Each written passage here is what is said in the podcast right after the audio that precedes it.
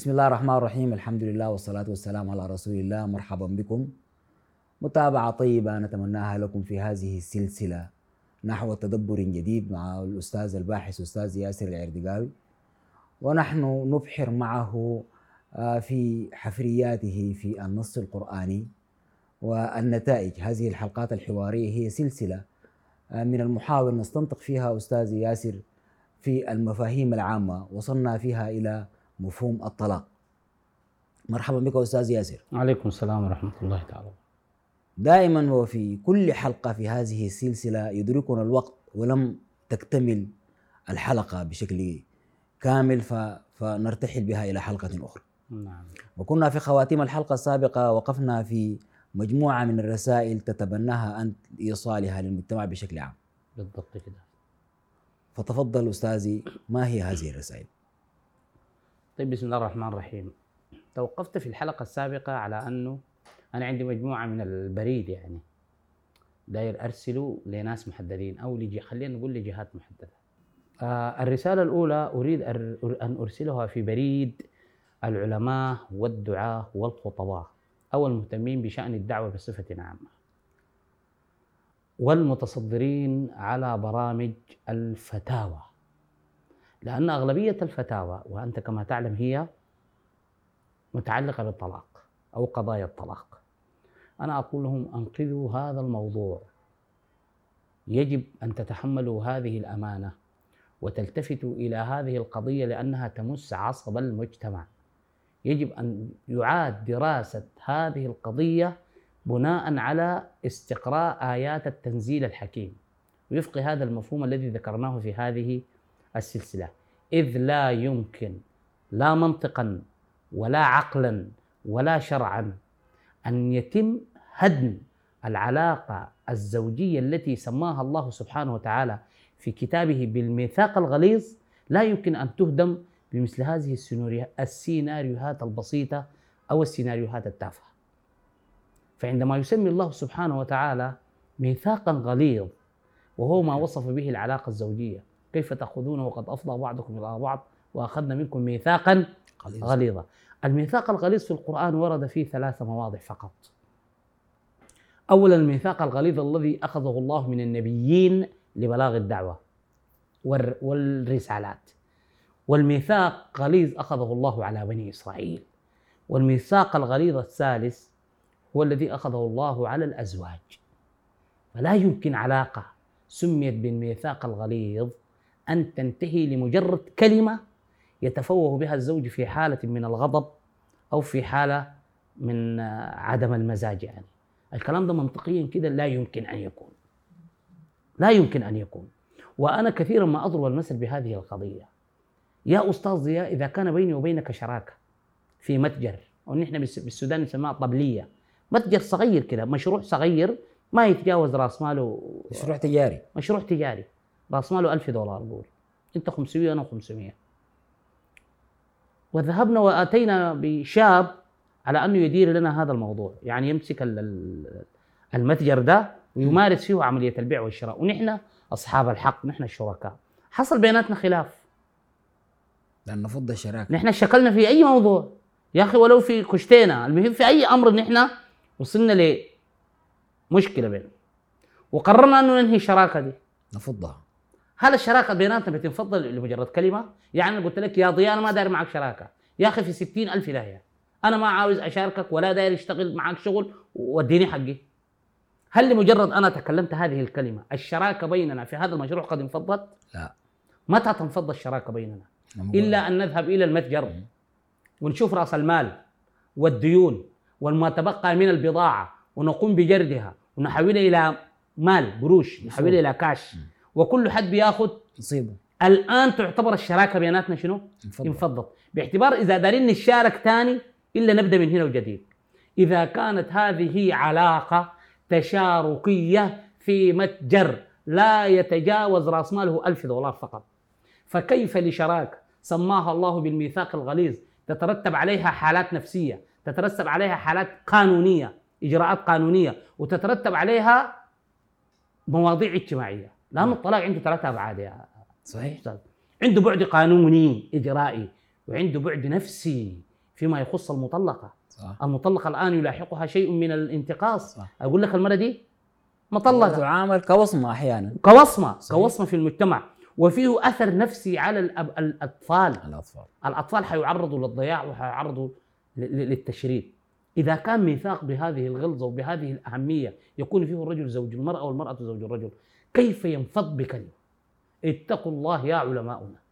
اتقوا الله اتقوا الله في هذه الأمة. اتقوا الله في النساء. اتقوا الله في هؤلاء الأطفال. دي الرساله الأولى. الرسالة الثانية أنا أرسلها في بريد المتخصصين من أصحاب القانون. لأن هذه القضية من صميم تخصصه من صميم أعماله. عندها علاقة بحاجة اسمها قانون الأحوال الشخصية. صحيح. ولا ما صحيح؟ صحيح. أيضا الموضوع ليس مجرد فكرة. ليس مجرد فكرة عنده أبعاد قانونية فأنا بقول يا جماعة القانون يا جماعة القانون أنتم المفترض هذه القضية كجزء من قانون الأحوال الشخصية عشان إحنا ما نتعامل معاكم بمفهوم copy and delete.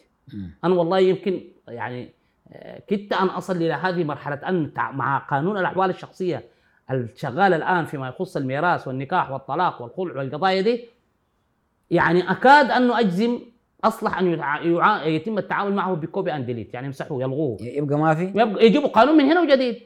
بالنسبة للشيء الحاصل الآن عشان ما توصلونا للمرحله دي ونحن نتصادم معاكم يا جماعة التفتوا للقضية دي يا أصحاب القانون. القضية دي قانونية ب 100% كإجراء. المادة الخامة الشرعية القرآن قاعد نحن بنستقرأ منه. لكن الموضوع ده أعملوه في إجراءات قانونية تراعي هذه المسألة. يا أستاذ ضياء أنا مرة في أبو سعيد مرة في أبو سعيد. ذهبت مع أحد ال- الأصدقاء هو كان محامي. هسه الان توفى ربنا يغفر له ويرحمه من أولادنا من المناصير. فقال لي راح معايا المحكمة وعندي موضوع و... و... ونطلع. لما ونحن طالعين في امرأة جايبة شباب وجايبة معاهم تور عجل. وذبحته قدام باب المحكمة. وهي بتزغرت ومعاها اخواتها زغاريت فرح؟ فرح بالطلاق. تور تور. تعرف يعني شنو تور؟ بعرف. تور اللي بيساوي كم بالسوداني ب 500 ألف ألف دولار. هي ذبحته كرامة من حرمة لها عشان ربنا فكاها من شنو؟ يعني الراجل. فكاها من الراجل ده. معناه في حاجة غلط يا مم. معناه دي وصلت مرحلة مرحلة من القهر ما تتخيلها. لأنه أصلا العلاقة المنظمة بين الرجل والمرأة في قضايا الطلاق والزواج فيها إشكالية قانونيا. ضبحت التور. ما في حد حياكله ذاته ضبحته قدام المحكمة. قالت الشباب ده ضبحوا التور ده الكرامة بيتوزع في الحلاوة. فمعناه في حاجة غلط يا جماعة. طيب ياسر كده قبل, أيوة. قبل ما تواصل معلش انت يا ياسر صاحب المشروع ده المشروع اللي انت بتتكلم عنه مشروع أنا حسب استقرائي معاك في الحلقات الماضية هو مشروع مكتمل. انت فردا كده دورك كان شنو في في في مع الدعاة مع القانونيين في السودان؟ إذا نقول في المرحلة الأولى في السودان أو في مجتمعك البسيط حصل قدمت المشروع ده لهم؟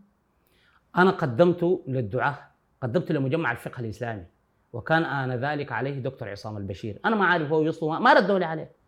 ومن أمشي من الباب ما بدك فرصة الناس زي يعني. لا أريكم إلا ما أرى. وجامعة القرآن الكريم وصل وصل لهم هناك. ما أدوني العرض دي كل الأبواب طلقتها. وأنا متوجه جاي إلى مصر والله على ما أقول شديد قبل شهرين أنا كنت مع عضو المحكمة العليا بجمهورية السودان. جمهورية السودان. آه مولانا رباب أبو قصيصة. شرحت لها القضية دي. قلت لها حتى لو أنت نزلت المعاش ولو ما نزلت المعاش في المحكمة العليا الكلام ده ما معناه بكرة تمشوا تطبقوه. لكن ادوه اعتبار. اطرحوه على القانون. أقروه است أيوه استنطقونا فينا يا إخوان. عقدوا لنا ورشة. خلونا أنتم شايفينه كلام فارغ. خلونا نجي نقول الكلام ده ونقدم دفوعاتنا. لأنه دي أمانة نحن بنحملكم ليها. أنت براك عارف. صحيح. بل بيتعاملوا معاك بال- بالخلفية القانونية. يعني أنت حتى لو أنت لو صوتك ارتفع ممكن يعني القاضي ينهرك يعني. وأنا دي من من الأشياء عملت لي تصادم مع القانون لأنه القانون ما برحم ممكن يسجنك عادي.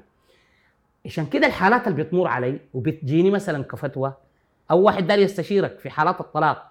وأنا أذكر لك مثال أنا مرة من المرات لما قدمت البحث بتاع الطلاق ده وأخذ رواج كثير يعني.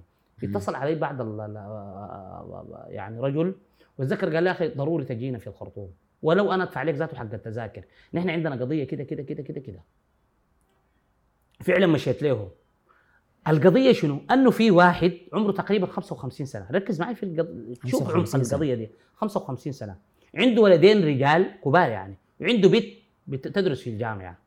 والمهم حصل خلاف خلاف طلاق وخلص خلاف طلاق وقام وقع في الطلقة الثالثة بفهم الفقهاء. أنه قال لنا مرته ثلاثة رقم ثلاثة طلقها الطالق وعلى حسب الزعل وخلاص قال لها أنت طالق يا أخي أمشي بيتكم.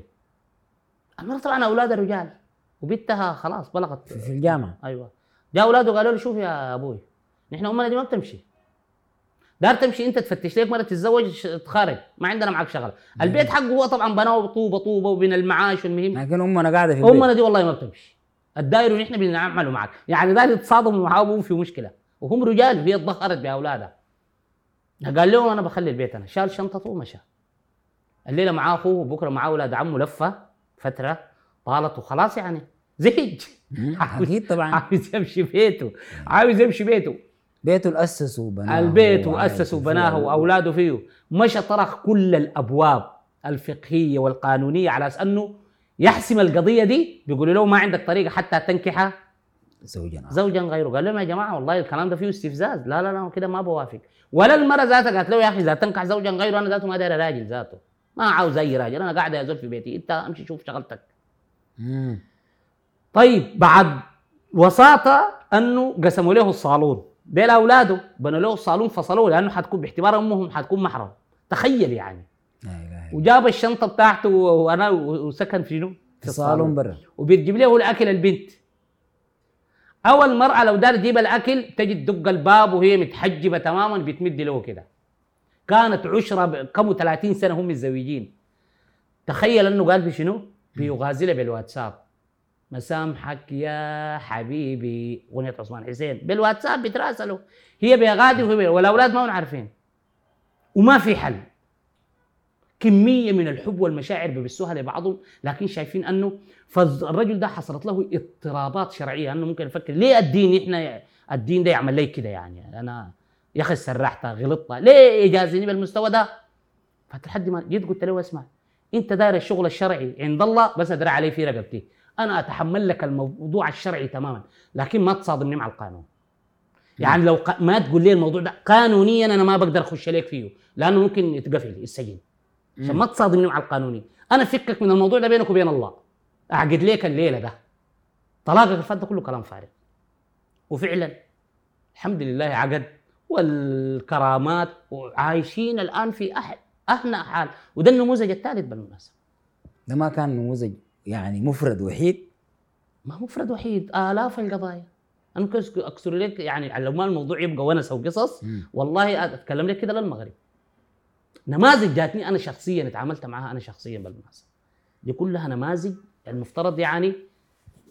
فالرسالة الأخيرة وأنا داير ارسلها في بريد ال- ال- المفكرين. أو المهتمين بشأن ال- ال- التفكر في القرآن الكريم. يا جماعة أتركوا القضايا الخلافية اله- ال- الهامشية النظرية دي. الأرض المسطحة والأرض الكروية وعذاب القبر و... عليكم الله اطلعوا لنا من المربع ده. عالجوا الواقع الآن. ال- ال- الإشكالات التي انظروا تكون من قريبة من المجتمع. نعم انظروا من مناظير الواقع. انظروا من مناظير الواقع. هذه القضايا ال- أنا أنا والله لا أقول سفسطه يعني لمجرد التفكير في كتاب الله هو أمر مقبول. صحيح. وأمر يجب أن يحفز. لمجرد انك تفكر في كتاب الله ايا كان الموضوع شنو؟ عشان كده ما دار أقول لهم دي سفسطه لكن بالله انتبهوا لعلاج الواقع. حتى لا يكون هذا الأمر نافلة. صحيح. يا أخي قبل ما تمشوا القبر الحاصل فيه شنو فيه عذاب ولا لا شوفوا لنا طلاقنا فيه مشكلة. شوفوا لنا تقويمنا فيه مشكلة. شوفوا لنا ميراث فيه مشكلة. في مفاهيم الآن ملخبطة. خالص. شوفوا لنا قانون الأحوال الشخصية حقوق الزوجية. دي كلها مشاكل عندها علاقة بالمجتمع والحياة اليومية. ونحن محتاجين لها الآن والقرآن وتؤثر على المجتمع بالضبط كده والقرآن ما قصر فيها. أفرز لها النص القرآني ال- النصوص متوفرة جدا في كتاب الله سبحانه وتعالى تمكن الباحث والمفكر في أنه يستنطق هذه السياقات وهذه القرائن ويطلع منها بال- بال- بال- بال- بالمثير الكثير. حتى فكرة مجمع الفقه الإسلامي أنا أنا عندي لها رؤية بالمناسبة مفترض تكون بالطريقة دي. مم. ويمكن ممكن نتحدث فيه عن ال- ال- الحلقة الجاية ولو أو حلقة من الحلقات. إن شاء الله بإذن الله. فعشان ما يطول المقام أنا أختم بهذه الرسائل. هي رسائل أستاذ ياسر نتمنى أن تصل إلى أصحابها. نتمنى فعلا آه يعني أنا ألتقط من مفردتك إنه تكون مواصلة للمفكرين ولمجمعات الفقه الإسلامي أن يستبصروا في هذا الكتاب وأن يحلوا المشاكل التي تكون لها علاقة بالمجتمع. فعلا هي مشاكل قريبة مشاكل يعني كل من يرى في المجتمع القريب يلقى في مجموعة من المشاكل عندها علاقة بالتفكك الأسري وما إلى ذلك. شاكرين جدا لك يا أستاذ ياسر. ستتواصل هذه السلسلة مع أستاذنا ياسر العردقاوي في الحلقات القادمة. نتمنى لكم طيب المتابعة. تابعونا على هذه السلسلة نحو تدبر جديد. السلام عليكم ورحمة الله وبركاته.